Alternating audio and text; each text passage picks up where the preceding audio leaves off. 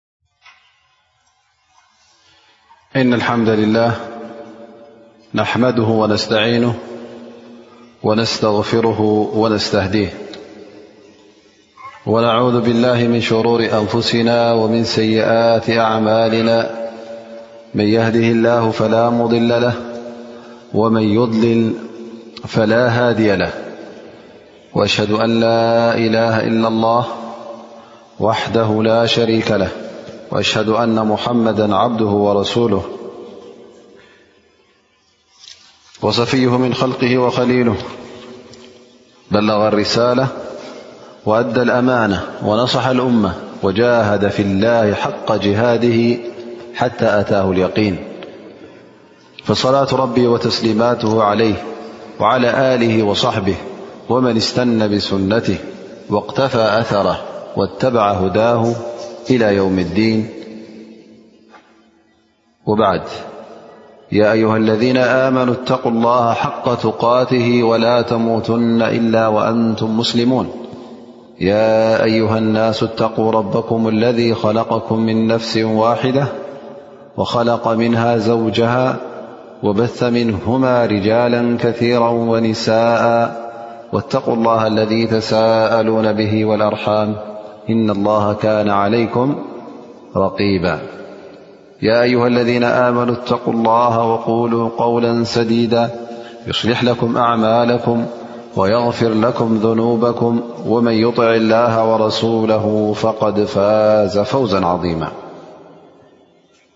سخبركم أحوات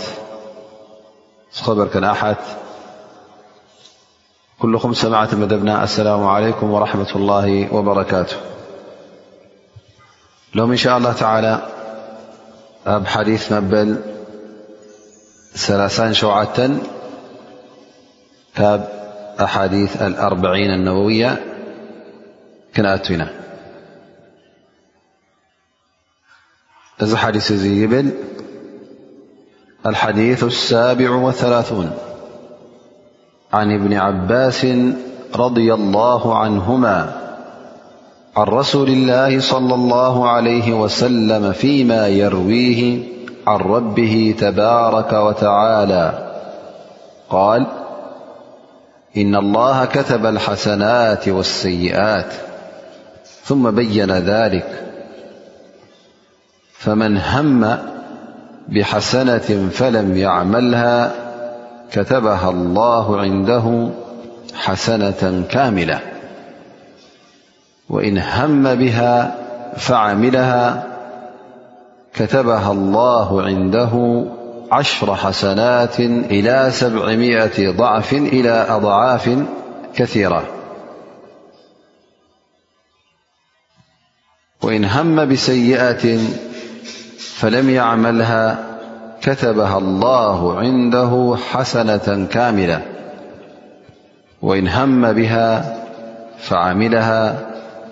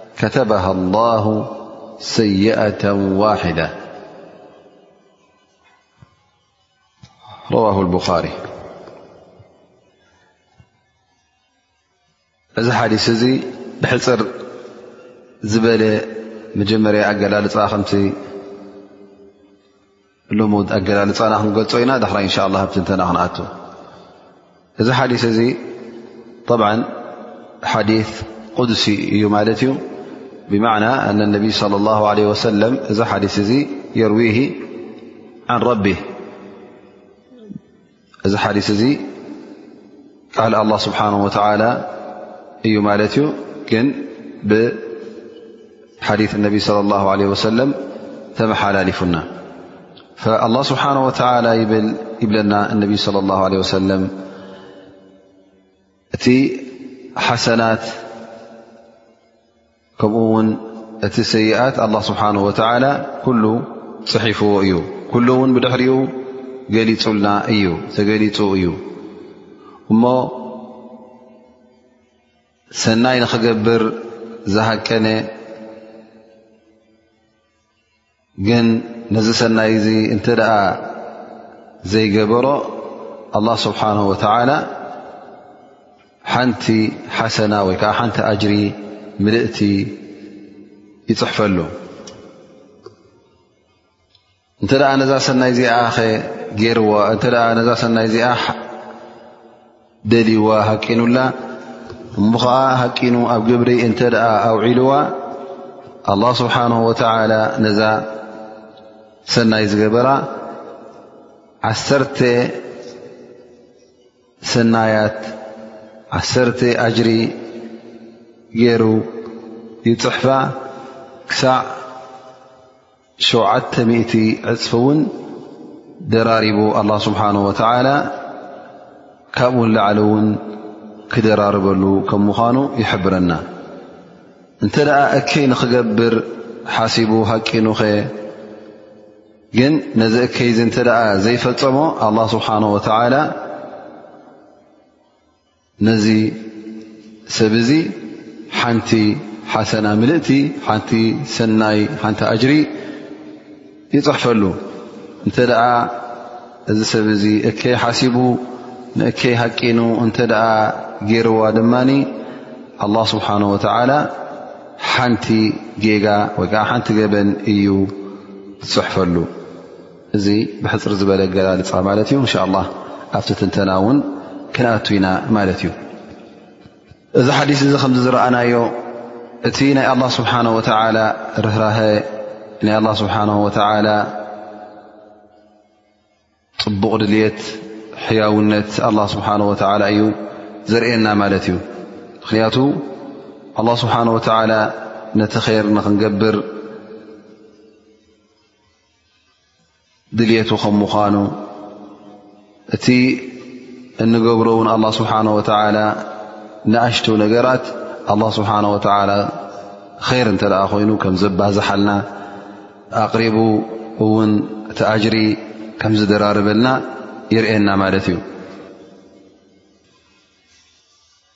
እንተ እከይ ኮይኑ ድማ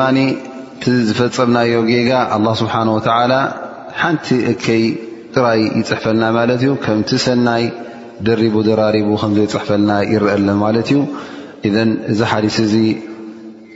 ብሓፈሽኡ እንታይ እዩ ዘርእየና ዘሎ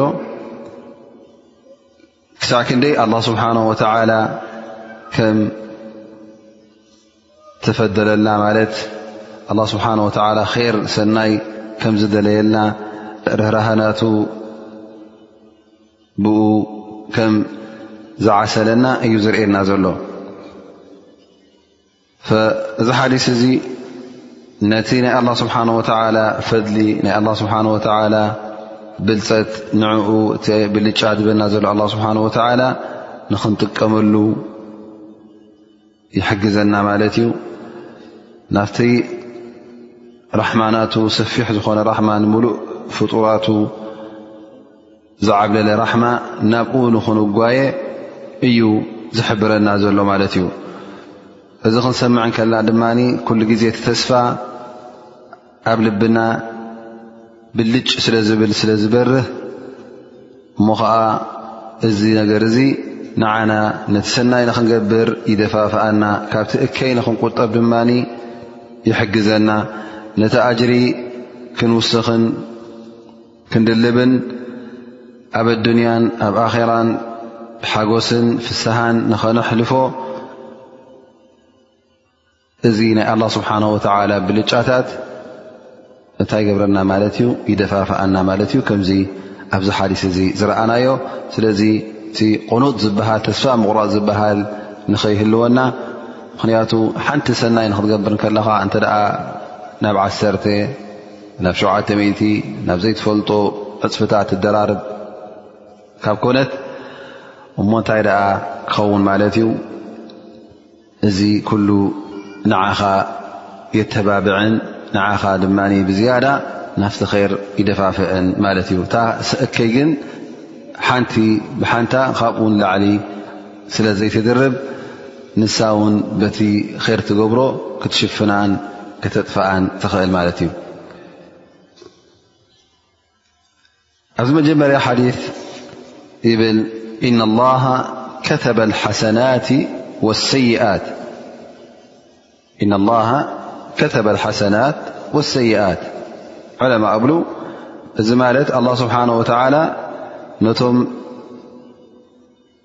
ጸሓፍቲ ኣጽናዕቲ መላኢካታት ንዕኦም ንኹሉ ነገራት ሰናይን እከይን ኩሉ ንኽጽሕፍዎ ኣዚዝዎም ማለት እዩ ወይ ከዓ ኣላ ስብሓን ወተዓላ ኣብቲ ሰፊሕ ፍልጠቱ ኣብቲ ፍፁም ፍልጠቱ ንኹሉ ነገራት ከም ዝቐደረ ከመይ ክኸውን ከም ምዃኑ ከመይ ክርከብ ከም ምዃኑ ኩሉ ኣብ ፍልጠቱ ጭሩስ ከም ዝነበረ ዘርኢ ይኸውን ማለት እዩ ኢዘን ኣላ ስብሓን ወተዓላ እቲ ሰናይ ን ትእከይን ኩሉ ፈልጦ እዩ እንታይ ከም ምዃኑ ኣበይ ክርከብ ከም ምዃኑ ኣበይ ሰዓት ክርከብ ከም ምዃኑ እዚ ትርጉም እውን ክንህባ ንኽእል ይብሉ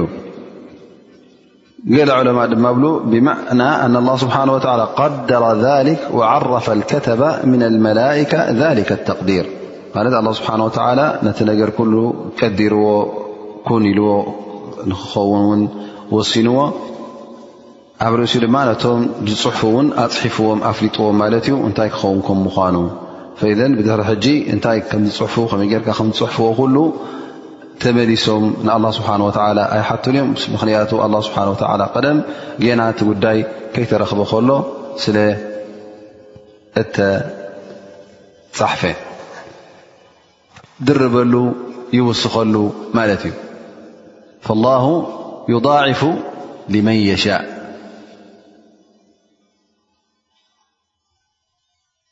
እዚ ድርብ እዚ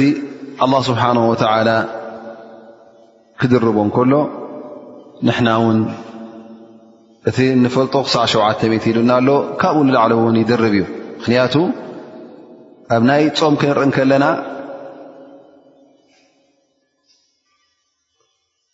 ኩሉ ዓመል እብኒ ኣደም ለ ኢለ ሶም ኣላ ስብሓን ወተላ ኢሉ ኩሉ ተግባራት ወዲ ኣዳም ዝገብሮ ንዕኡ እዩ ብጀካ ፆም ፆም ድማ ንዓይ ኢሉ ዩ ትፀውም ካባይ ዝሕባእ ነገር ስለ ዘየለ ክፀውሙ ከሎ ንዓይ ፈሪሁ ወላ እውን ኣብ ሰብ ዘይርዮ ቦታ ይሃሉ ኣብ ግዜ ሕቡእ ቦታ ኣብ ሕቡእ እዋን ወላ እውን ይሃሉ ንዓይ ኣኽቢሩ ቃለይ ንምስማዕ ስለ ዝፀውም ኣላ ስብሓን ወተላ ይብል ኢላ ኣሶም ፈኢነሁ ሊ ወኣና ኣጅዚ ብሂ ፆም ንዓይ ጥራይ ስለ ዝኾነ ኣነ እውን ባዕለይ እየ ፃምኡ ዝኸፍሎ እዘን ፃማ ናይ ፆም ድማ ሊላ ልካ ክትፀሙ ከለኻ ሙሉእ ዘይጉዱ ግርካ ክትፀሙ ከለኻ ፍርሃ ኣላ ስብሓን ወላ ናርኣኻ ክትፀሙ ከለኻ ኣላ ስብሓን ወተዓላ እቲ ዝህበካ ፃማ ባዕሉ ጥራይ እዩ ዝፈልጦ ደረት ኣይገበረሉን ኣይወሰነሉን ኣብ ዓሰርተ ኣብ ዒስራ ኣብ ሰብዓ ኣብ ሸውዓተ ሚእቲ ይበለናን እንታይ ደኣ እዚ ነገር እዚ ናብይ ግደፍዎ ኣነ ባዕለ እየ ዝውስኖ ኢሉና ኣላ ስብሓንሁ ወተላ ኣማ ልሃሙ ብሰይኣ ንእከይ እንተ ደኣ ሓደ ሰብ ሓሲቡ እሞ ኸዓ ነዛ እከይ እዚኣ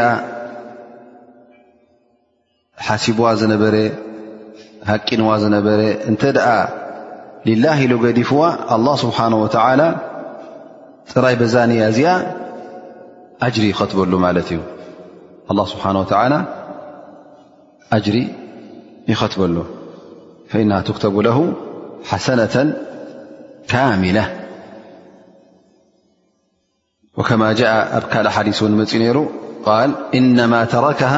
ምን ጀራይ ኣይ ምን ኣጅሊ ንዓይ ኢሉ እዩ ስለ ዝገደፋ ኣነ እውን ኣጅሪ ክኸትበሉ እየ ኢሉና ኣላ ስብሓን ወተላ ኣማ እንተ ደኣ ንሰብ ፈሪሁ ገዲፍዋ እዚ ሰብ እዚ ብዝያዳ ካብ ንኣላህ ምፍርሁ ንሰብ ዝፈር እንተ ደኣ ኮይኑ እቲ ፍርሃት ናቱ ስርዓት ስለ ዘይሓዘ እዚ ሰብ እዚ ተጋግዩ ማለት እዩ ፈኢነሁ የእተም ገበን እዩ ዝቁፅር ምክንያቱ ቀደመ ኮፍ ልዕባድ ዓለ ላ ዓለ ዘወጀል ንባሮት ኣላ ስብሓን ወተላ ቀዲሙ ርኡ ንዕኦም ብዝያዳ ፈሪሁ ካብ ኣላ ስብሓን ወተዓላ ስለዚ ሰብ እዙ እቲ ዝገበሮ ፍርሂ ቅኑዕ ስለ ዘይነበረ ተኣጅሪ ኣይትኽተበሉን እያ በል ማዕስያ እውን ክኽተበሉ ይኽእል ማለት እዩ ላኪን ሊላ ኢሉ ኣላ ከይርአኒ እሞ እዛ ነገር እዚኣ ሳላ ስለ ዘይፈትዋ ኢሉ እንተ ገሊፍዋ እዚ ሰብ እዙ ኣጅሩ ሕልው እዩ ወላ እውን እከ ዩ ሓሲቡ ነይሩ እሞ ነታ እከ ገዲፍዋ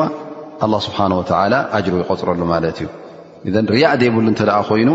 ስምዓ ዘይብሉ ማለት ረኣዩለይ ስምዑለይ ኢሉ እተ ዘይገደፋ ንኽረአ ንኽስማዕ እተ ዘይኮነ እንታይ ደኣ ትንያናቱ ሊላ እተ ኮይኑ እዚ ሰብ እዚ ኣላ ስብሓን ወተላ ኣጅሩ ይሕልወሉ እዩ ላኪን ሓደ ሰብ እንተ ደኣ ንማዕስያ ሓሲቡ ንእከይ ንኽገብር ሃቂኑ እሞ ኸዓ ንኽገብራ ፈቲኑ ግን ንኸተግብራ እንተ ኣ ብሰንኪ ስንፈቱን ብካልእ ዓይነት ምኽኒትን እንተ ደኣ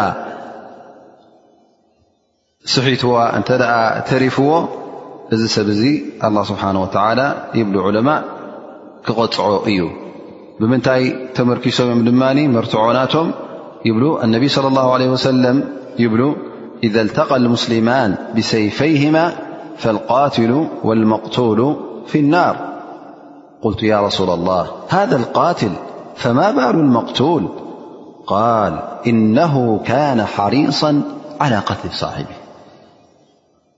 مرتعنቶم እዚ قل نبي صلى ال عيه وسلم خلت سلمي بسፎم نج ተራኺቦም ንክቃተሉ ማለት እዩ ይብሉ ነቢ ስለ ላ ሰለም እቲ ተቀታልን ኩሎም ቀታልን ቅትሉን ማለት እዩ ኩሎም ንጀሃንም እዮም ንእሳት እዮም ኢሎም ነቢ ስለ ላ ሰለም እቲ ዝሰምዕ ነበረ ሓደ ካብቶም ኣስሓብ ነቢ ስለ ላ ለ ወሰለም ይሓትት ማለት እዩ ያ ረሱላ ላ እቲ ዝቀተለስ ፈሊጥና ምኽኒት ናቱ እቲ ጀሃንም መእተዊኡ ገሃንም መእተዊኡ ፈማ ባሉ መቅቱል እቲ ተቐተለ ድኣ እንታይ ገይሩ ነቢይ ስለ ላ ለ ወሰለም ይብል እዚ ሰብ እዚ ንኽቐትል እውን ተበጊሱ ነይሩ ንኽቐትል ሃቂኑን ደልዩን ስለ ዝነበረ እዚ ድሌት እዚ እውን ስለ ዘተግበሮ ግን ብሰንኪ ስንፈቱ ስለ ዝተረፎ እዚ ሰብ እዚ ልክዕ ከምቲ ቀታሊ እውን መቕፃዕቲ ኣለዎ ኢሎም እነቢ ለ ላ ለ ወሰለም እማ እንተ ደኣ እቲ ማዕስያ ሙጀረድ ኻጢራ ማለት ከምዚ ኣብ መንጎ ዝመፀካ ሓሳብ እንተ ኮይኑ ኣብ ልብኻ ዘይ ዓለበ ኣብ ልብኻ ዘይተሰረፀ ንክትገብሮ ዓሪኻ ዘይሃቀንካሎ እተ ኮይኑ ከም በዓል ገለ ከምዚ ወስዋስ ዝመፀካ እተ ኮይኑ እዚ እንሻ ላ ማዕስያ ይቁፀረልካን እዩ ምክንያቱ እነቢ ለ ላ ለ ወሰለም ሓደ ግዜ ተሓቲቶም ብዛዕባ እቲ ወሳውስ ኣብ ልቢ ሰብ ዝመፅእ እሞ እዚ ነገር እዚ እተ ተረኪቡስ ከመይ እዩ ኢሎም እነቢ ለ ላ ሰለም ሓቲቶሞም ነይሮም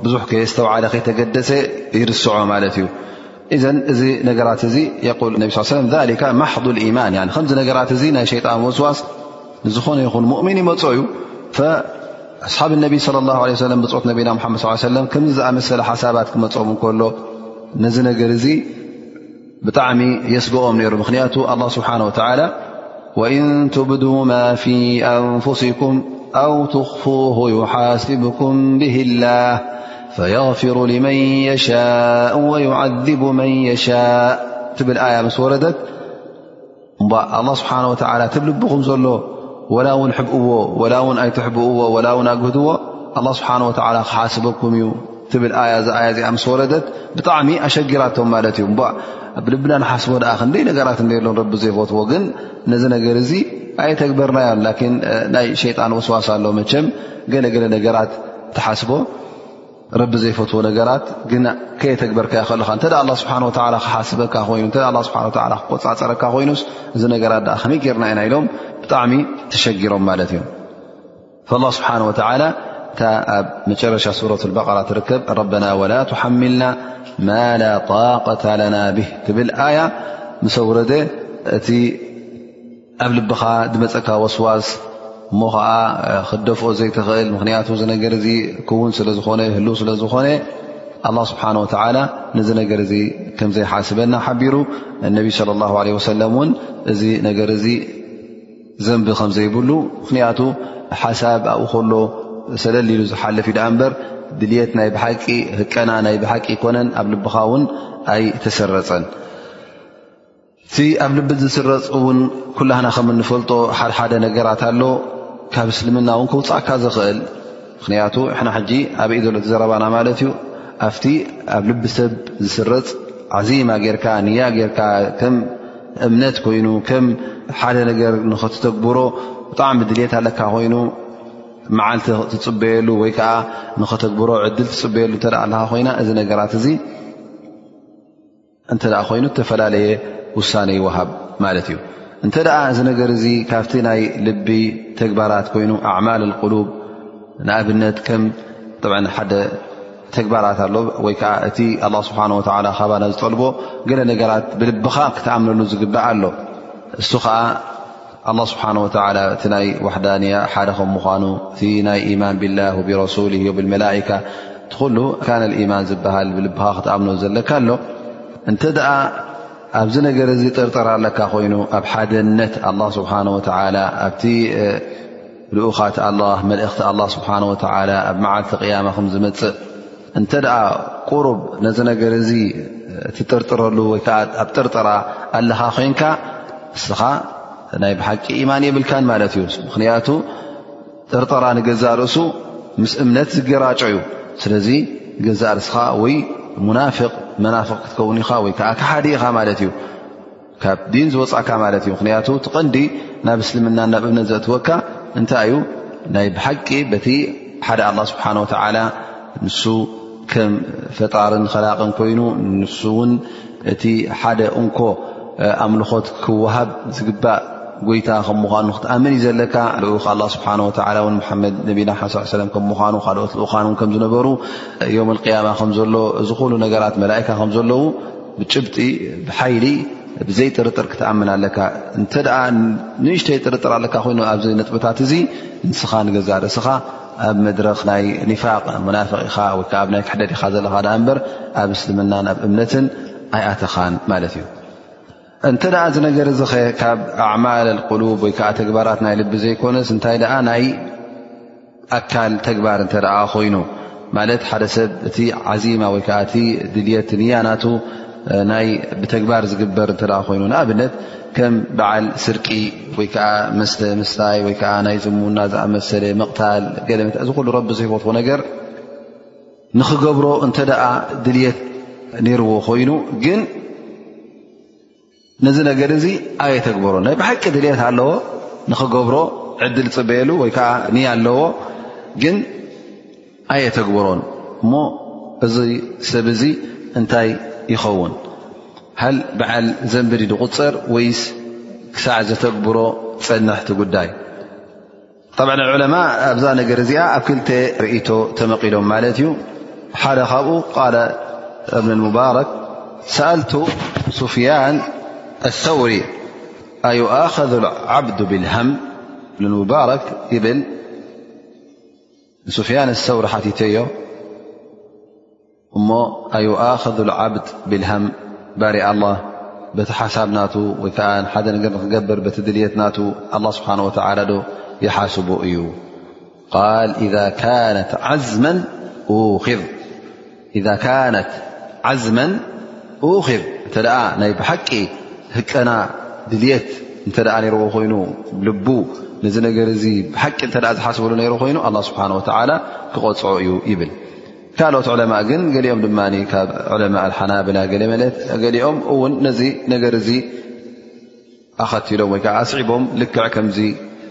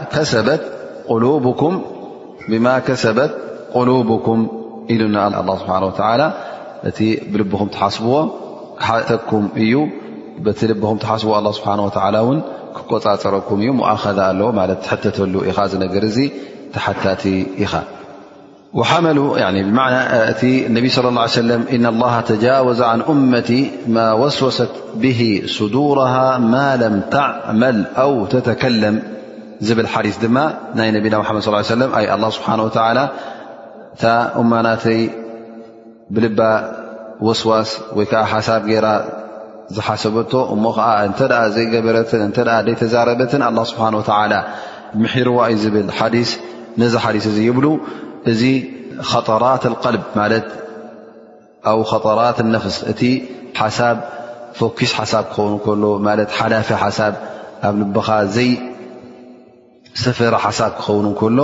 እዩ ዳኣ እምበር እንተ ነቲ እከይ ነገር ኣብ ልብኻ ኣስፊርካዮ እሞ ከዓ ሃቂንካሉን ደሊኻዮን ብልቢ እተ ነዚ ነገር እዚ ድልት ነይረኳ ኮይኑ ኣብዚ ኣይኣቱን እዩ ይብሉ ማለት እዩ ስለዚ መቕፃዕቲ ኣለዎ ይብሉ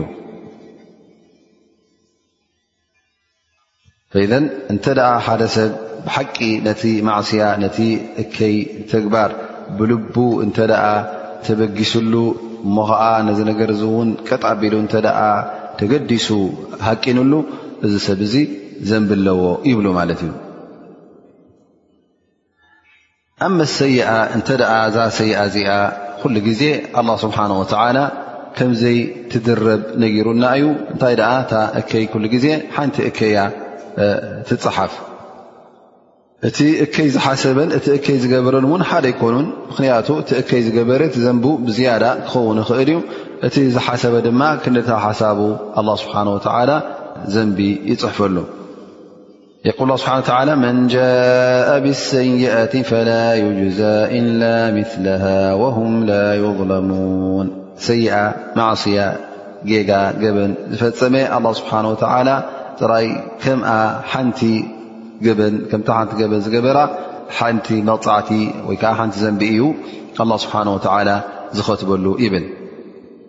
ሓታ ኣብዛ ሓዲስ እዚኣ እውን ወይን ዓመላሃ ከተበሃ ሰይኣة ዋሒዳ ኢሎም ነቢና ሓመድ صለ ه ሰለም ሓንቲ ብሓንቲ ከም ትፅሓፍ ጥራይ ይሕብሩና ማለት እዩ እዚ ክበሃል እንከሎ ግን እቲ ማዕስያ ገለገለ ማዕስያታት ከቢድ ማዕስያ ክኸውን ከም ዝኽእል ወይ ከዓ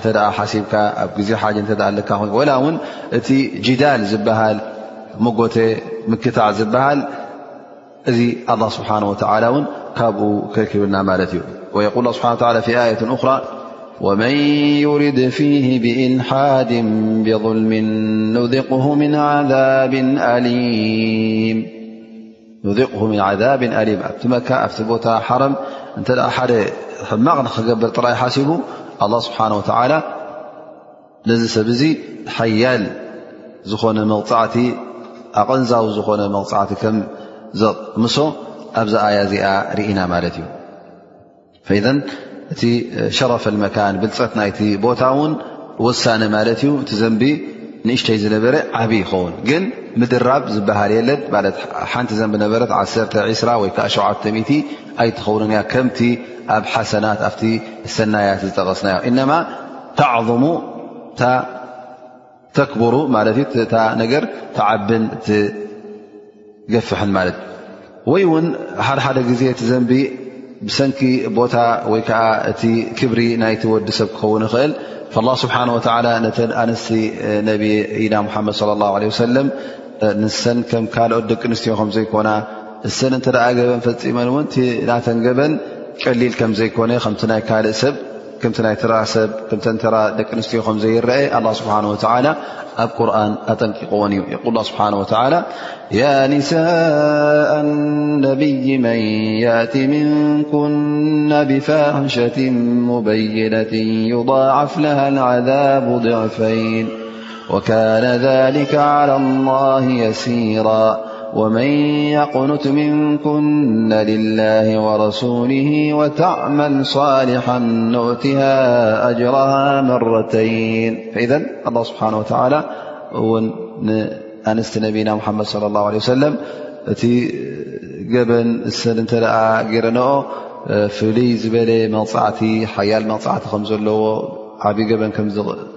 ፅብፀብ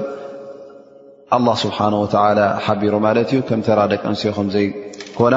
ኣጠንቂቕዎን ኣላ ስብሓን ወላ እዘ እቲ ሰብ እውን ተፈለየ ክብሪ እንተ ኣለዎ ኮይኑ እዚ ሰብ እዚ ክጥንቀቕ ኣለዎ ማለት እዩ ሓዲትና በዚ ይድምደም ማለት እዩ ኣብ መጨረሻ ካብቲ ዝረከብናዮ ፋይዳታት ኣብዚ ሓዲስ እዚ እተ ክንጠቅስ ኮይና ብክፅር ዝበለ ኣብ ውሱናት ነጥብታት እንታይ ዝርእየና ዘሎ እቲ ተርጊብ ወተርሂብ ማለት መጠንቃቕን ሓደ ነገር እውን ምቕራብን ኣቕሪብካ ኣፍቲኻ ንኸተርኢ እዚ ኣብቲ ናይ ዳዕዋ ኣድላይ ከም ምዃኑ ማለት ንሓደ ሰብ እንተ ደኣ ሰናይ ገይሩ እንታይ እንታይ ኣጅሪ ፅበዩ ከም ዘሎ እንተ ደኣ ተጋግዮ ኸዓ እንታይ እንታይ መቕፃዕቲ ፅበዩ ከሎ ኣፈራራህን ኣፋታውን ጌርካ ነቲ ሰብ ዳዕዋ ክትገብረሉ ከም ዘለካ እዚ ሓዲስ እዚ ሓቢሩና ማለት እዩ ከምኡ ውን ኣብዚ ሓዲስ እዚ እቲ ፈድሊ ናይ ኣላ ስብሓን ወተላ ብልፀት ኣላ ስብሓን ወተላ እቲ ንደቂ ሰብ ውን ዝህቦ ዘሎ ብልጫታት መደምደምታ ከምዘይብሉ ሰፊሕ ብልጫ ከም ምዃኑ እመት መሓመድ ተዋህበቶ ዓብይ ሰናይ ክሳዕ ክንደይ ናብ ር ዝደፋፈ ከም ምኳኑ ይርኤና ማለት እዩ ነብቲ ሓሰናት እውን ዝደፋፈ ከም ምኳኑ ርኢና ኣለና ማለት እዩ ወዲ ሰብ ድማ እንተ ደኣ እቲ ናቱ ድልትን ነቲ ና ዊንታን ገዲፉ ምእንቲ ኣላ ስብሓን ወተላ ነብሱ ጥራይ ናብ ር ክደፋፍኣ እንከሎ ናብ ር ጥራይ ክመርሓን ክወስዳን እንከሎ ኣላ ስብሓን ወተላ ኣብ ዮም ቅያማ ዓብዪ ደረጃ ከም ዝፅሕፈሉ ዓብዪ ኣድሪ ከም ዘለዎ በሪህልና ማለት እዩ ጥራይ ትሰናይ ምግባር ኣይኮነን እንታይ ደኣ ወላ ነቲ እከይ እውን ሊላ ኢልካ ክትገድፎ ከለኻስ ኣጅሪ ከም ዘለካ ርኢና ማለት እዩ ኣላ ስብሓን ወተላ ድማ እቲ ኩሉ ተፃሓፈ እቲ እከይን ሰናይን ማለት እቲ ኣጅሪ ዘለዎን እቲ ዘንቢ ዘለዎን ንሱ ከም ዝፀሓፍ እዩ ዝሕብረና ኣብዚ ሓዲስ እዚ እቲ ሙባሕ ዝበሃል ወይከዓ እቲ ፍቁድ ዘብኡ ኣላ ስብሓን ወተዓላ እዚ ነገራት እዚ ከምዘይ ዝፅሓፍ ማለት ኣብቲ ክታብ ናይ ፀብፃብ ከምዘይኣቱ ኣብዚ ሓዲስ እዚ ርኢና ማለት እዩ ከምኡ ውን ኣብዚ ሓዲስ እዚ ከም ዝበረሃልና እቶም መላካ እቶም ከተባ ዝበሃሉ እቶም መዝገብ ዝምዝግቡ መላእካታት ውን ድልት ናይ ወዲ ሰብ ገና ኣብ ልቡ ከም ዘሎ በቲ ኣላ ስብሓን ወተላ ዘፍለጦምን ዝሃቦምን ፍልጠት ከም ዝፈልጡ